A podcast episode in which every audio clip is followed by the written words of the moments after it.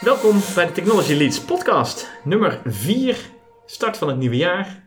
Eh, aanwezig zijn eh, ikzelf, Tom en Daniel? En Rick?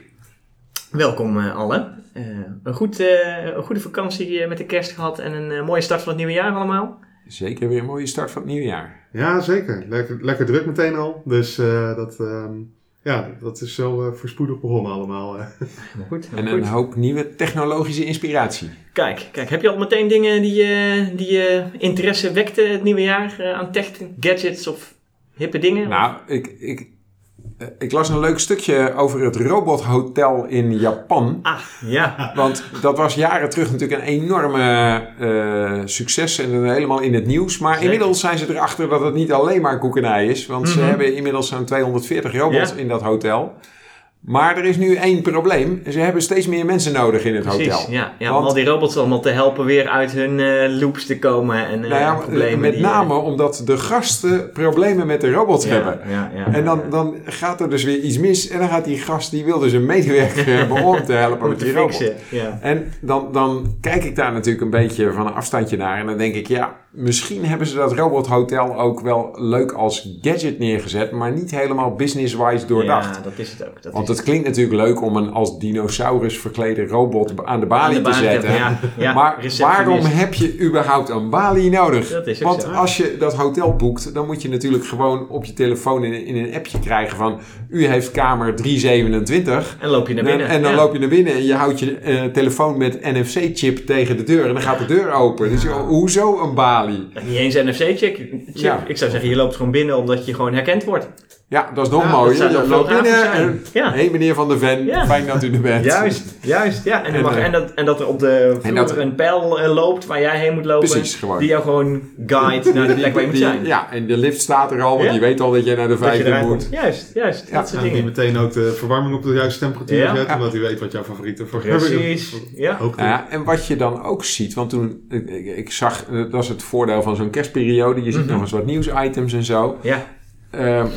Eén nieuwsitem was een apparaat wat kleren kan opvouwen. Ja, ja. Veel mensen hebben ja, natuurlijk Dat was ook fantastisch. de- Ja. hebben daar een hekel aan. Ja. Maar dat ding werd niet gepromoot als een robot of zo. Hè? Nee, dat nee, heel populair is om alles robots te noemen tegenwoordig. Maar Maar, die man had gewoon, nee, we hebben een apparaat en Die fout. ja, die vouwt dat op. Ja. Maar ja, dat, het, het kan waarschijnlijk meer dan de gemiddelde robot in dat robothotel. Zeker, zeker. Want je legt er gewoon een willekeurig kledingstuk op en dat komt er netjes gevouwen uit. Het was me niet helemaal duidelijk of dat vouwen nou, of je het kledingstuk nou een beetje behoorlijk neer moest leggen, dat hij dan goed ging vouwen, of dat je er gewoon een bak was erin kon knikkeren. Nou, en dat er dan gevouwen la open precies, ging. nee, zeg je maar. moest Dat- er wel je moest er wel een beetje stukje neerleggen. hè? netjes erop leggen. Ja, dat was Dus het ding, ja. ja. Want een tijdje terug, nou, één, twee jaar geleden of zo, was er, ik weet niet meer wat, of het nou op CS was of zo, er was een kast of iets dergelijks. Daar kon je dus wel een hele bak was in knikkeren.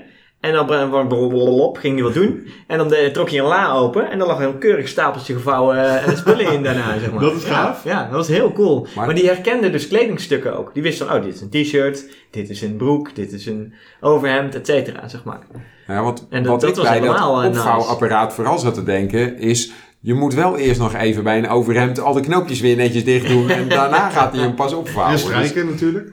Of doet hij dat wel? Nou, strijken is een ding. nee, het- Er zijn, er zijn al, al, al hordes mensen bezig geweest om iets te maken wat automatisch je spullen strijkt. En Ja. dat schijnt heel erg Zo- moeilijk te zo- zijn. Zo'n Ja. ding is ook te Dat koop geweest bij de Ja. Bijenkorf. Dat was toen ja, maar dat was nou, een soort pop. echt hartstikke duur. Ja, die blies hem op. Ja, ja. En dan door daar warme lucht doorheen Juist. te blazen, Stoom gingen alle kreukels eruit. Maar, dat, was helemaal, dat, duurde langer dan strijken. Ja, Want je moest je ja, moest hem aankleden, je moest hem daarna Ja. weer afhalen en dan heel voorzichtig dat hij weer niet kreukelt. Juist. Ja. En dan moest je nou alsnog, Alsnog. weer die knoopjes dicht doen en zo. Ja, En gedoe man. dus dus Ja. daar zou een robot nou wel kunnen helpen. Dat Maar dan moet je dus een- robot met een ja. strijkbout. Ja, maar dan moet je dus echt een robot, een, een fysieke persoon namaken, Ja. zeg maar. Die dat de- dezelfde handelingen doet. Maar dan kom je weer in het punt van robots.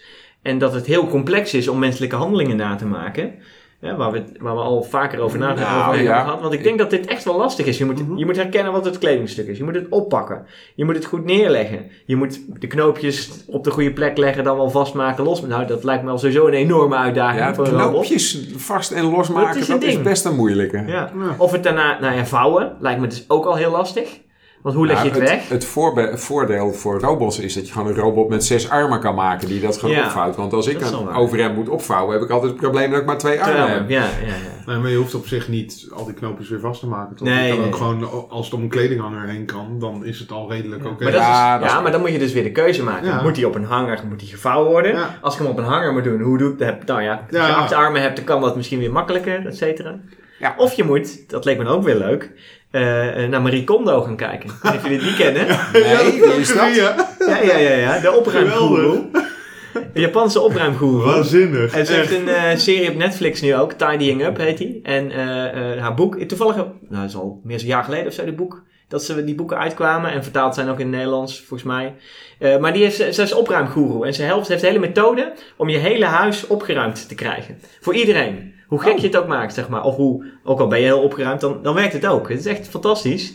En ze heeft allemaal stappen in. Oké, je moet eerst beginnen met je kleding op te ruimen. Dan moet je eh, elke keer een stap moeilijker gaan. En de laatste stap is eh, nostalgische items opruimen. Want dat is natuurlijk heel moeilijk. Ja. Je kunt, nostalgie is Ja, ja. heel lastig om weg te doen, zeg maar. Ja. Maar het idee is dat je met kleding begint, want dat is heel makkelijk. Afstand doen van kleding is even, nou, dit is moi, kan wel weg. En als je dan getraind bent in het opruimen, dan kun je ook steeds beter de moeilijkere dingen doen. Eh, maar die gaat dus ook over eh, daarna, ja, je moet dus opruimen, dingen wegdoen, maar daarna ook hoe eh, sla je alles op? Waar laat je alles? Ja? En zij heeft dus allemaal hele hippe methodes om dingen te vouwen, met name kleding. En haar ehm, strategie is, is dat je iets zodanig opvouwt dat je het rechtop kan zetten. Dat je Dus- recht op kan ja, ja, je moet even de serie Ik- kijken. Ik, zie- Ja, het ik zie mijn overhemden Ja. nog niet helemaal zo voor me. Maar Zij gaat overhemden op, rechtop staand, t-shirts, eh, Ja, hoodies, eh, whatever. Ze, zet het, ze vouwt het op en dan gaat ze, zet ze het neer, zodat het rechtop staat. En als het niet rechtop kan blijven staan, heb je het niet goed gevouwen.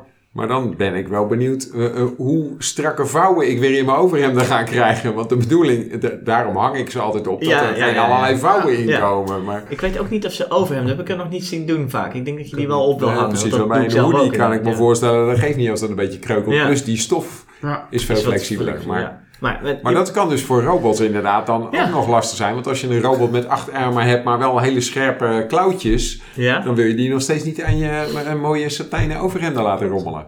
Misschien is dat een heel mooi bruggetje naar het onderwerp, maar mijn onderwerp van, eh, van deze aflevering. Ja. Eh, want die gaat over soft robotics.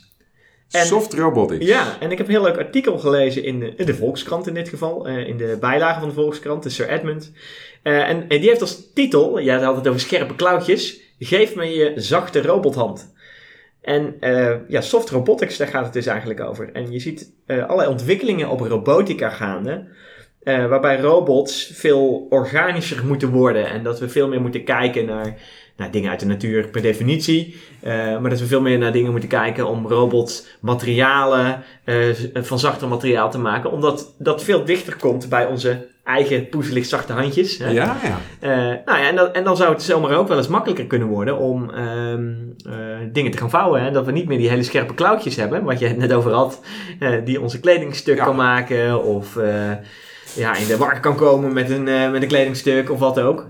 En eh, ja, ik vond het wel erg leuk, zeg maar, om, eh, om dat te lezen. Want het gaat echt zover als dat je ja, eh, allerlei producten krijgt. En, en het artikel laat allerlei producten zien. TU Delft heeft allerlei eh, dingen. MIT is bezig met allemaal ja, robotspieren eh, eigenlijk. Ehm, allemaal van een soort foamachtig materiaal. Ja, wij kunnen het hier zien inderdaad. ja, hè. zien. ik heb die bij me. Voor, de, voor de luisteraars is dat wat lastig. Maar je hebt een soort foamachtig materiaal. Soms zelfs rietjes. En dat vond ik helemaal cool. Dat je rietjes kunt gebruiken om robotarmen mee te maken. Eh, je pakt gewoon een rietje. Je eh, maakt er een knik in. Eh, je doet er wat, een, luchtslangetje naartoe. En door de lucht in te blazen kun je het rietje weer recht knikken, ja, zeg maar. ja. Zo simpel kan het zijn eigenlijk. Hè? Dat Ja. is eigenlijk de meest simpele vorm daarvan. Dat- Maar je hebt allerlei andere... dat zijn dan de klauwtjes en de dat, dat vind ik ook het aardige van robotica. Dat Mhm. bij robots denk je vaak aan dingen als AI en zo. Maar de meeste innovatie in robots zit hem vaak in materialen. Juist. Hele slimme mechanica. Ja, Wat jij ja. al zegt, hè, er op het idee komen om het met eh, geblazen lucht Juist. te bewegen. In plaats van met eh, elektrische motortjes. Daarom, daarom. Ja, wat we, en servo's en zo zijn we allemaal snel in eh, tech-servo's met een hoop elektronica denken. Maar het kan ook met pneumatiek of met pure, ja, hele simpele luchtslangetjes en, en een rietje maken. Klein pompje. Ja. En dan ben je er eigenlijk al. En ehm, Ja, de en- andere kant en is, is origami en dat soort dingen, zeg maar. Hè. Met papier kun je ook heel eind komen. Ja, precies. En, hele slimme vormen ook. Want dat Ja. valt me ook op. Ja. En dat zie je ook op een paar van de plaatjes die je Mhm, hier hebt. Dat mhm. er over slimme vormen is nagedacht. ja. Eh, met, met, eh, eh, er staat niet voor niks ook een octopus plaatje bij. Hè, met acht armen. Exact, ja. ja. Nou, en dat, want het gaat natuurlijk niet per se alleen maar over grijp, grijpers en handen en dingen, vastpakdingen. Soft robotics gaat ook over dat we de robot zelf eh, steeds zachter laten worden. Eh, en dan eh, was ik een mooi voorbeeldje inderdaad van een octopus. eh, die echt helemaal soft en helemaal aanraakvriendelijk, helemaal lekker voelt, zeg maar. Dat, ja, dat kan natuurlijk ook. Eh, eh, en die, eh, het idee is dan dat, je- dat je die bijvoorbeeld medicijnen los kan laten. Dat je die als een leuke sticker op bij een kind op de arm stopt. Ja, ja. Die dan bepaalde medicijnen loslaat en je, die door je huid opgenomen moeten worden. Weet ik veel wat. Zoiets zou je ook kunnen maken. En dan ja. heb je hele andere toepassing van, toepassing van robots en robotics dan dat wij natuurlijk snel gewend zijn om in te denken. Eh, dus ik vond dat wel een hele goede eigenlijk, dat je ja, eh, ons spierstelsel moet nemen, of dat van, van dieren. Hè? Waarom, waarom moet het per se van de mens zijn? Hè? Dat is ook zo'n ding. Waarom moet Nou een ja. robot op een mens lijken? Ik- Een, een van die mooie voorbeelden vind ik bij eh, Boston Dynamics. Dat ze Ah. zo'n robothond hebben. Ja, Die je kan gebruiken als een soort pakezel. Hè? Dat, stel dat jij gaat een expeditie door de, de Pyreneeën doen. ja. En je wil niet zelf de hele dag je rugzak dragen. Nou, dan neem je zo'n robothond mee en die loopt netjes eh, die berg op. Ja, ja, precies. Ja, dan heb je inderdaad echt letterlijk de pakezel eh Ja. gerobotiseerd. Inderdaad, ja. En dan ja. eh, gewoon een, eh, een zonnepaneel op zijn op rug. eh, want eh, dan hoef je ook geen eh, eh, blikken hondenvoer mee te nemen Ja. en zo. Ja, dan kan, hij kan zijn eigen accupack ook lekker omhoog sjouwen. Dus dat is ook prima, Ja. toch? Ja. ja. En dat is natuurlijk wel met die Boston Dynamics dingen en dergelijke. Die, die zien er altijd heel erg als een robot uit eigenlijk. Ja, ja. Die- ja Die- dat is waar. Hoe ze bewegen is heel anders, maar ze zien er wel echt Die- als een robot uit. Die zeg zien er nog niet als deze zachte robots Nee, uit. eh. maar dan, dan is maar- de uitdaging natuurlijk ook van als je het als een pakezel wil gebruiken bijvoorbeeld. En je wil hem ook als een dier eruit laten zien of als een mens. Ja, dan, dan ga je automatisch zachtere vormen krijgen en dergelijke. Dus dan ga je niet eh, van die hele makkelijke opstapelplekken Ja, en dergelijke hangt- krijgen. Het hangt heel strakke- erg van Dat is het, waar. Dat is Dat is waar. een beetje erg ding. van het tool af natuurlijk. Want wat je ziet met die Boston Dynamics, die, die, ze worden natuurlijk gefinancierd vanuit de Mhm. Defensie. Hè? Mhm. Dus, dus daar, daar zijn toch eh, vrij functionele apparaten allemaal. Terwijl als je in de zorgsector kijkt, eh, Ja, dat da- is- daar heb je apparaten die er juist heel zacht en vriendelijk Ja. uit moeten zien. Klopt. Ja. ja En, in eh, ziekenhuizen zeker. Ja, en dan eh, begint het weer veel meer ja, zeg maar speelgoedachtig, Mhm. huisdierachtig uit te zien. te worden. Ja. En dan krijg je ook dat, dat Zachte zachte gevoel eh, wat je moet hebben. Plus dat die ook met andere materialen omgaan. Ja, het leuke is, dat, want er was een heel mooi voorbeeld in, dat je een, eh, een, een grijper kunt maken dus, die allerlei verschillende materialen op kan pakken. Dus als je iets, ja, als je een bal oppakt, nou ja, dan kun je gewoon een grijper omheen doen. Die pak je wel op, zeg maar. Dan hoef je niet per se grip te hebben. Maar als je nou iets heel, een glas oppakken, bijvoorbeeld, heel voorzichtig. Ja, glas is glad. Ja. Maar je kunt dus met zachte soft robotics kun je dus een eh, oppervlak creëren, eh, de, de uiteinden van de vingers hè, van, de, van de grijper, die ruw wordt, die rimpeltjes krijgt op het moment dat hij iets glads op moet pakken, eh, maar die gewoon glad is op het moment dat je ja, iets anders op moet pakken, zeg maar. Dus je kunt gewoon ja, ruwheid creëren als het ja, ware. ja, dus die, die hebben een variabel oppervlak. Een het variabel oppervlak, Zo. juist. Ja, ja, Dat is wel ja. bijzonder hoor. Ja, daarom. Ja, dus dat, dat, dat is ook soft robotics Ja. en, en eh, robothanden. Ja, dan kom je veel dichter bij wat wij eh, gewend zijn. Ja, dan is er een handje geven aan een robot. Wordt dan echt een zacht handje geven in plaats van hè, een mechanische hand. eh. Ja. Dus je kunt dan ook denken aan de eh, protheses bij mensen straks, waar we nu al robothanden aan het maken zijn. Ja, ik denk altijd, het lijkt me heel eng om daar een hand mee te schudden, want die knijpt mijn hand helemaal fijn, weet je wel. Want eh, een beetje uit de, de, de, Ja. de Iron Man uit de series, eh, de films zeg maar, de Mar- Marvel films. Mhm. Ja, die knijpt gewoon alles fijn wat je, wat hij vastpakt. Zeg maar. Dan moet je heel goed trainen Ja, je moet, om dat goed te doen. Dat ja, want als die een ei moet oppakken, dan moet dat heel zacht, want je moet hem niet stuk knijpen. Precies, ja. Dus de, de, je hebt ook veel meer sensors nodig om, Om dat goed te doen. te- dat, die kracht te reguleren. Ja, maar met soft robotics heb je dat, of heb je dat niet, is misschien een groot woord, maar krijg je heel ander Dan soort zit het dynamiek. er juist in. Dan zit het in, de, in het materiaal. Hè? Je Ja. had het er net al over. Het gaat veel meer om het materiaal van de robotarm dan de aansturing en de dynamiek van de robotarm. De fijnmechaniek, et cetera, is dan veel minder van belang. En je kunt veel meer investeren in nou, de origami-arm of de, de robotspier die je maakt. Of het, eh, nou ja, wat ik zei, het rietje. Het is echt letterlijk een rietje, een ballon en een elastiekje.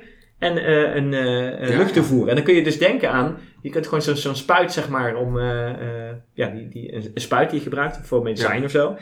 Daar is nu een slangetje op en als je hem indrukt, gaat het rietje open, eh, met ballonnetje blaas je op. Mhm. En eh, eh, als je hem weer terug doet, gaat de lucht eruit en door het elastiekje trekt hij hem weer om, zeg maar. Zo Ja, simpel in- kan het in, zijn. feite is het natuurlijk precies hetzelfde principe als wat bij hydraulische apparaten Ja. gebruikt wordt. Hè? Want alleen in- dan is het geen lucht, maar olie. Dat is, ja, Maar het is gewoon een zuiger die In druk en zet en dan iets anders laat bewegen. Maar de, de, de bottom line is dat het niet alleen maar elektronische oplossingen zijn. Dat is het, dat is het. Ja, ja, Ja, dus, en- dus je kunt veel makkelijker een hand maken die niet eh, per definitie jouw hand vermorzelt. Ja, Waardoor je zelf ook zo'n hand nodig gaat hebben. Ja, nou ja, want Eh, dat, zie je met hydraulica. Die, daar heb je al voor een deel in het mechanisme zelf zit al een beperking in kracht die die geeft. ja, ja, precies. Ja. Dat is, eh, Dus ja, ik, vond dat mooie, ik vind dat een mooie ontwikkeling. En natuurlijk bestaat het al een tijdje. Software Robotics, je ziet dat MIT, je ziet de TU Delft eh, druk mee bezig gaan zijn. eh, eh, dus ja, mooie, mooie ontwikkelingen inderdaad, ja. Ehm, andere items die, we, die we tegenkwamen. Daniel, wat, wat, is, wat heb jij uitgebreid gelezen de afgelopen tijd? waar we het ook eens over kunnen hebben? Nou, ik kwam een nieuwsartikel tegen over de HoloLens 2. Ehm, ja, Microsoft die heeft jaren geleden, inmiddels al vier jaar geleden, de eerste HoloLens aangekondigd. Is dat zo lang geleden alweer? Vier jaar geleden, ja. Ja, Hoe, hoe lang, en- even voor mijn beeld, hoe lang is de Google Glass dan geleden? Is dat, dat was daarvoor nog, toch? 2013, 2012 ergens. Oké, oké, oké.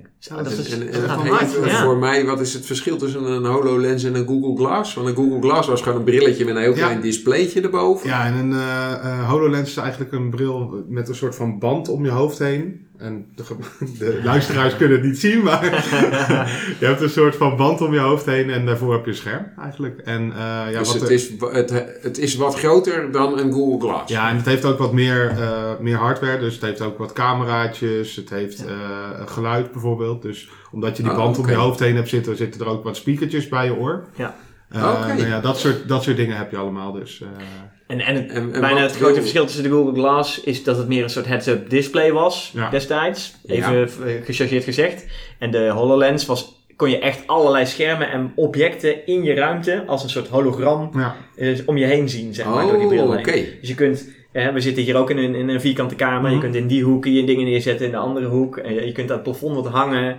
Eh, eh, je kunt door, eh, je kunt augmented reality heel goed doen, hè, omdat je de ruimte ziet en daaromheen eh, objecten projecteert. Dat, dat is wat de HoloLens wel echt Ja, een oké, stuk... want de HoloLens doet, is maar. geen VR-bril. Want bij een VR-bril Nee. zie je de buitenwereld niet meer. Precies. Maar hier zie je en de buitenwereld. Juist. En je ziet extra objecten. Ja. Ja. Ja. ze noemen het eigenlijk mixed reality. en, en wat Ja, willen ze ermee gaan doen? Want ze brengen nu een nieuwe versie uit. Was Ja. die vorige versie niet goed? Of, eh, Nou, de vorige versie die had vooral het probleem dat eh, de field of view, dus wat je kan zien Ja. eh, qua display, eh, die was gewoon te klein. Ah. Dus eh, dat, dat, dat was een van de grootste eh, punten waar ze eigenlijk verbetering op nodig hadden. En Nee. ik verwacht dat ze daar dus eh, vooral heel veel aan gaan veranderen.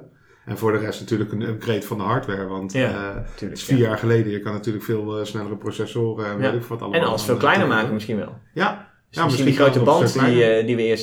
Zijn er al previews van eigenlijk, of niet? Van de, de HoloLens 2? Eh, nog niet gezien, maar ze hebben dus volgende maand, eh, 24 februari. Ja. Dan begint het Mobile World Congress. Oké, oké. En ehm, ja, daar gaat Microsoft waarschijnlijk dus die HoloLens 2 eh, presenteren.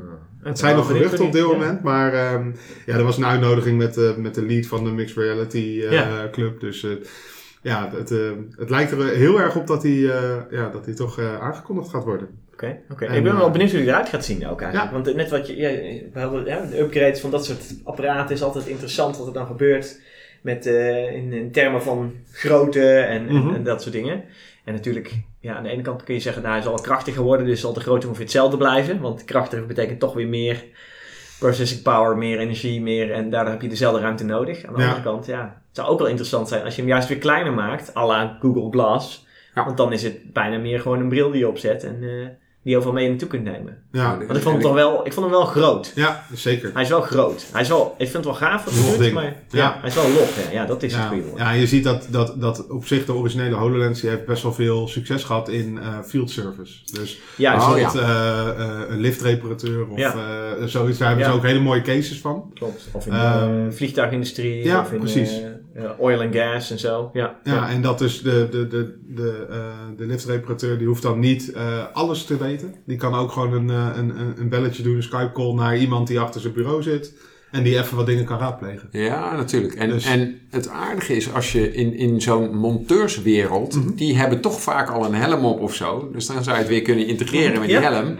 Ja. Dan is het minder impact dan. eh, hè, want dat was ook bij de Google Glass vaak de kritiek. Dat mensen die normaal geen bril op hebben, die moesten dan zo'n Google Glass op. En dan zag het er heel gek uit. Dan hadden ze een bril waar geen glazen in zaten, maar alleen Ja. zo'n klein displaytje. precies. Ja. ja, als je van die hardheads op hebt, dan eh, kun je daar... Ja. eh, de, de, bedoel, als je ergens ruimte hebt zeg maar, om eh, spullen in kwijt te kunnen, is het dat wel. Ja, Ja. precies. Want, want een van de dingen die je waarschijnlijk zal hebben, is dat je nog steeds een hoop accu's erin moet eh, hangen. Want hoe meer processing power, hoe meer accu's. Zo, ja, precies. Ja, ja, ja, ja, of hij gaat gewoon kort mee. Maar ja. Ja, maar ja, dan heb je er niet spelen. Dan ben je field engineer, sta, sta je je je reparatie. olieplatform te repareren en dan is je Ja. accu leeg, ga je niet verder. Ja, ja, ja, ja, ja, ja, dat zou niet handig zijn. Nee, nee, dat is geen goed idee. Ja, oké. Nou ja, dat zijn natuurlijk dingen die... eh, Ja. eh, eh, aan de andere kant worden mensen wel bewuster van accuduur eh en zo. Dus, Ja. ja, dat is waar. Dat is waar. En, en, Ja. wat mij verbaast is de enorme ontwikkeling in de kwaliteit van accu's. Hè? Hoe, Ja. hoe lang je tegenwoordig accu'tjes meegaan. Ja, als je kijkt naar de, alle elektrische auto's tegenwoordig, die, die, die, die steeds verdere range gaan krijgen. Ja. en zo. Ja. Dan zie je dat natuurlijk ook. Ja, maar ook, ik, ik, ik denk dan even simpel aan penlights. Ja. Ik, heb al heel lang oplaadbare penlights. En de eerste oplaadbare penlights, die liepen sowieso leeg. Dus na een week was hij weer vanzelf moest je sowieso leeg. opladen, ja. En, ja. en, en dat ging helemaal niet lang mee. En tegenwoordig koop je eh, van die eh, iets van 2500 milliampère uur, is dat dan Mhm. geloof ik. Ja. Nou, die dingen die eh, hoef je bijna nooit meer op te laden. Nee, dat is. Ik- Ja. ik heb ze Beetje afhankelijk waar je ze in stopt misschien. Nou, ik heb ze in mijn elektrische tandenborstel. En daar kan je Oh, ja. echt meer dan een maand mee poetsen. Wauw, Eh, ja. Oh, Gaat gewoon Niks goed. aan de hand. Ja. Ja. Nee, maar het is natuurlijk ook veel belangrijker dat we eh, meer accuduur hebben, zeg maar. Ja. Ja. Er zijn steeds meer apparaten die ervan afhangen. Dus, Dat is eh, Dat is. Kennen jullie de piramide van Maslow? Ja. De, de behoefte aan de mensen. En tegenwoordig, de onderste is dan eten en zo. En Ja. tegenwoordig zit daaronder zit wifi en daaronder battery Ja. power. Power, ja, ja, ja, heerlijk, heerlijk, heerlijk. Ja, ja dat, is, dat blijft een, eh, wordt een steeds mooi. groter ding, hè? Ja, battery power. Oké, ehm, ja, ik ben ook ik ben benieuwd. We gaan, eh, we gaan ongetwijfeld in de volgende Technology Leads eh, ergens een keer naar gaan kijken als die uit is. Ja. Want ik, ik ben wel benieuwd hoe die eruit ziet en, en wat die allemaal gaat, gaat kunnen ten opzichte van de, de bestaande HoloLens. Want ja, het zijn leuke, leuke nieuwtjes. Ja, cool. nou, we gaan het 24 februari meemaken. Zeker, zeker, zeker. Goed. Eh, Rick, had jij nog een eh, specifiek nieuwsitem waar, waar, eh, waar we, wat we aan bod moeten laten komen? Wat mij opviel is, we hadden een, vorige week of zo was de Consumer Electronics beurs. In Las Vegas is dat Ja, geloof ik. CES, ja. Ja, en daar wordt natuurlijk van alles en nog wat geïntroduceerd. Maar Mhm. wat mij dan even opviel is dat tegenwoordig automerken daar van alles en nog wat introduceren. Ja, En, ja, eh, inderdaad. dus het is, het is bijna een autoshow eh, geworden. En Ja. dat is ook weer niet helemaal raar, want jullie weten, ik verdiep me eh, nogal in AI en wat Mhm. daar allemaal mee kan. En je ziet dat er heel veel ontwikkelingen tegenwoordig juist bij de autoconcerns afkomen. Ja, ja. Dat, eh, ik, heb, ik mocht zelf bij Daimler wat, wat doen, daar ben ik Mhm. langs geweest. En ik zat van de week wat te lezen dat bij Volkswagen vandaan kwam. En dan merk je gewoon dat die heel erg met al die nieuwe mogelijkheden bezig zijn. Ja, ja. ja, het zit hem natuurlijk in de, in de lijn der, der verwachting, zou ik haast zeggen. Omdat je ziet dat ze heel erg aan het zoeken zijn naar, nou, van de elektrische auto naar de zelfrijdende auto. En, en dat autonoom rijden eh, met alle verschillende levels die we, die we ondertussen, hè, level 1 tot en met 5 herkennen. Ja, dan zie je dat daar natuurlijk zoveel technologie in gaat zitten waar AI een hele grote rol in speelt of gaat spelen. Ja, dat is inderdaad, het is inderdaad niet vreemd dat dat zo is. En, Nee. eh, dat je ziet dat ze heel graag de consument, het is consumer electronics, een auto is, is bijna meer electronics dan eh, een, eh, brandstofverbrander. dus ja, het is niet meer dan logisch dat die dan op de CES ook staan met al hun nieuwste ideeën die ons gaan helpen. Want uiteindelijk consumer electronics zijn uiteindelijk allemaal producten die ons het leven makkelijker maken. Nou ja, je ziet dat de autofabrikanten natuurlijk er alles aan willen doen om jou als autorijder, jou het autorijden zo makkelijk mogelijk te maken. Ja. Eh, Ja, maar die, die autofabrikanten die staan ook wel voor een enorm eh, lastige periode. Mhm. Omdat op het moment dat zelfrijdende auto's echt doorbreken, dan krijg je dus zelfrijdende taxis. En dan Ja. wordt het zo A, betaalbaar en B, flexibel, dat je geen behoefte meer hebt om auto's te kopen. Nee. En dan worden de klanten van autofabrieken opeens niet meer de consumers. Nee, nee, nee. nee, nee. Want dan zijn de beste taxibedrijven zijn de belangrijkste Ja. klanten. Ja, maar ik denk dat autobedrijven zich dus moeten omvormen ook. En, en je ziet dat wel een beetje gaan. Ik, ik luisterde naar de eh, BNR Autoshow eh van de week. En daar ging het al een beetje daarover dat, dat zij... Volgens mij was het eh, hoofd van ook een van de... Van een, van de, een van de grote autofabrikanten was aanwezig. En die eh, werd dan inderdaad ook de vraag gesteld: moet je je niet om gaan vormen naar een bedrijf dat niet meer auto's verkoopt? Want dat, net wat jij zegt, Ja. zeg maar, om die reden. Nou, dat, Eh, maar dat je dus een dienst aan moet gaan bieden. Dat Precies. jij eh, veel meer ja, mobility, hè, zoals dat dan zo mooi ja, heet. daar hadden ze het bij Daimler ook al over. Ja. Hè? Dat ze gaan toe naar een mobility supplier. Ja, ja, ja. Dus het is niet meer auto's verkopen, maar het is vervoer aanbieden. Ja, je koopt En- mobiliteit nog als consument zijn. En, en als fabriek bouw je nog steeds die, die auto's, maar in plaats van Mhm. ze te verkopen via een dealer, zet je ze gewoon op de weg. Ja. Eh, met een hele mooie nou ja, zeg maar, infrastructuur eh, waarmee mensen eh, kunnen boeken en zo. Ja. Ja, en dat ze zichzelf En, op eh, kunnen laden en et cetera, et cetera, et cetera. Precies. Ja, ja, ja. Denken jullie trouwens dat er een, een soort van Netflix voor taxis gaat komen later? eh, voor zelfrijdende taxis of zoiets? Ja, dat je maar- gewoon een flat fee hebt die je betaalt elke, elke Ja. maand. En, eh, oh, dat dan- zou best kunnen. Ja, Dat je in heel Nederland mag rondrijden, zeg Ja, maar. Dat, ja, ja, eh, ja. Wanneer je maar wil en waar je maar heen wil. Nou ja, dat zou voor mensen die veel reizen, Ja. bijvoorbeeld in de consultancywereld, Ja. ja. dan zou dat best kunnen. Ja. Hè? Een soort dan- van vervanging van, eh, van de, van de OV-jaarkaart of zoiets. Ja, bijna eh. wel, ja. Ja, en ik, ik verwacht ook dat het zo. eh, dan krijg je ook een samenwerking tussen allerlei vervoersvormen. Want Ja? een van de problemen die ik nu wel eens heb is. eh, ik, de laatste tijd mag ik regelmatig naar eh, Antwerpen reizen. Nou, daar wil je niet met de auto heen, eh, alleen al vanwege de files. Maar het hoeft ook niet, want het kan veel sneller met de tallies. Mhm. Alleen ik moet wel eerst bij het station zien te komen. Ja. Maar daar kan ik niet parkeren, dus daar kan ik niet met de auto heen. Ja, Maar met een zelfrijdende auto laat ik mij gewoon van huis naar het station brengen. ja. Voor de deur Ik stap hoef je uit. niet, ja, ik stap gewoon uit. Ik hoef niet na te denken wat er verder met die auto gebeurt. Ik stap uit. Dat ding brengt mij. Die is er net drie minuten Ja. voor die tallies vertrekt. Ik stap in. Ideaal. Op. Maar, volgende punt is dan... Als we daar allemaal zelfrijdende auto's hebben en we hebben de Netflix van een mobiliteitsconcept, hè, eh, Mhm. wat, wat jij zei Daniel, is het dan niet zo dat je dan geen files meer hebt en dat je weer sneller bent met die zelfrijdende auto mobiliteitsconcept in Antwerpen dan Nee, dat want- jij nee, bij de trein, Die gaat? rijdt daadwerkelijk 300.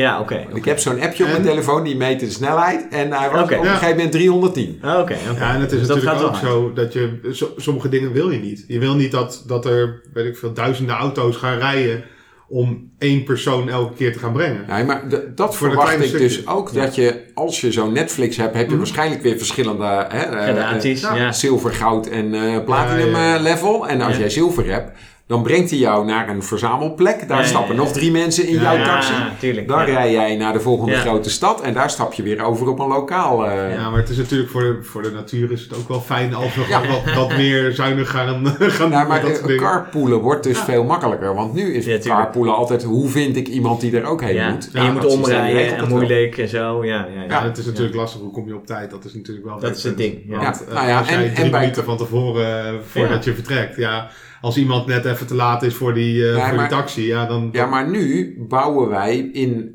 eh, rekening houdend met files, bouwen we al, ik tenminste, een Ja. kwartier speling in. Hè? Dus ik hier vanmorgen een kwartier te vroeg. Ja, Want je bouwt een kwartier speling in en toevallig was er geen file. ja, Nou, ja, ja, ja. die, datzelfde Dat kwartier kan je dan in die zelfrijdende auto's. Als ik drie minuten moet wachten tot de volgende zelfrijdende taxi er Mhm. is, nou dan op een gegeven moment accepteer je dat. Ja. Maar aan de andere kant, aan de andere kant, ik hoorde ook, dat was een onderzoek van de universiteit, volgens mij TU Delft, die hadden gekeken naar vervoersconcept. Wat is het beste eh, middel binnen, in, in Nederland dan bijvoorbeeld, om ehm, vervoerscapaciteit aan te leggen? Hè? Moet je meer asfalt neer gaan leggen, omdat we hebben we te maken met heel veel files. Ja. Moet je meer asfalt leggen, aanleggen, eh, eh, vooral steden, net, net wat je zegt, als je drukke, grote steden in wil, heb je, is heel lastig. Dat het heel druk is, klein, te veel auto's, et cetera. Moet je meer asfalt aanleggen? Moet je speedlanes maken? Moet je meer spoor aanleggen? Eh, eh, en dan heb je ook nog allerlei soorten spoor. Je hebt hoge snelheidsspoor, je hebt gewoon spoor, je hebt Light stoptrein, light rail heb je, metro's, et cetera, et cetera. Wat moet je doen, zeg maar? En de conclusie van het onderzoek was, is asfalt aanleggen. En dan niet breed asfalt aanleggen. Maar in plaats van een spoorlijn leg je een asfaltstrook neer. En daar laat je een nou, semi-zelfrijdende bus overheen rijden, heen en weer. Want het idee is, eh, de, de ontwikkelingen op dit moment gaan zo hard eh, dat een, eh, een, een zelfrijdende bus of iets wat, wat straks komt, zeg maar, je kunt veel makkelijker switchen op asfalt dan op een rail. Als jij een light rail aanlegt, dat duurt punt 1 heel lang voordat hij ligt. Relatief lang voordat hij er ligt, zeg maar. En als hij er ligt, dan moet je heel lang een light rail erop laten rijden om dat rendabel te doen. Ja, dus je bent niet en flexibel. Precies, op, op een eh, asfaltstrook kun je ook nog een Ja. niet zelfrijdend iets Juist, laten rijden. Juist, ja. En, en op rail kun je alleen maar railvoertuigen laten exact, rijden. ja. dat en asfalt is dan weer makkelijker uitbreidbaar. Stel dat je een breder voertuig wil laten rijden dan niet, of et cetera, et cetera. Ja, en dat doet mij herdenken aan, ik weet niet meer waar dat was, maar daar hadden ze dus een, ook een lokaal eh, treintje, maar dat Mhm. treintje reed op luchtbanden op een betonnen baan. Ja, nou ja, ja dus precies. die reed ja. niet op stalen Op rails. stijle rails, ja. ja. Dat is nog wel een boeiend. Dus zo zie je dat door de veranderingen in de mogelijkheden, ook qua elektronica Exact. en zo, zie je ook weer dat je vervoersconcepten Veranderen, ja. anders moet en dat je na moet denken van is een stalen rail wel de beste manier? Juist, ja. ja. Want je ziet- Hoewel op hoge snelheid blijkt, is een stalen rail toch nog wel beter dan rubber op beton hoor. Ja, qua, ja, nou ja, qua wrijving. Maar dan kom je in hyperloop-achtige dingen. Dat is dan nog- interessanter. Ja, de- de- En, gewoon, eh, zweeftreinen. ja, en, zweeftreinen. Vacuümbuizen, et cetera. Kan ook allemaal. Maar dan gaan we misschien heel ver. Oké. Ehm, nou, goede ontwikkelingen, denk ik. Leuk. Ik ben Ja, benieuwd of we binnenkort eh, een, stuk, ja, een stuk minder in de file staan hierdoor. Dat zou mooi zijn. Ik hoop het wel. Het Ja, zou me niet verbazen. Eh, het lijkt me goed om eh, deze Technology Leads hiermee af te ronden. Yes. Dank Ja. jullie voor jullie onderwerpen en Dankjewel. discussies. Eh, en tot de volgende Technology Leads podcast, zou ik zeggen. Ja, Tot de volgende. tot ziens. Hoi hoi.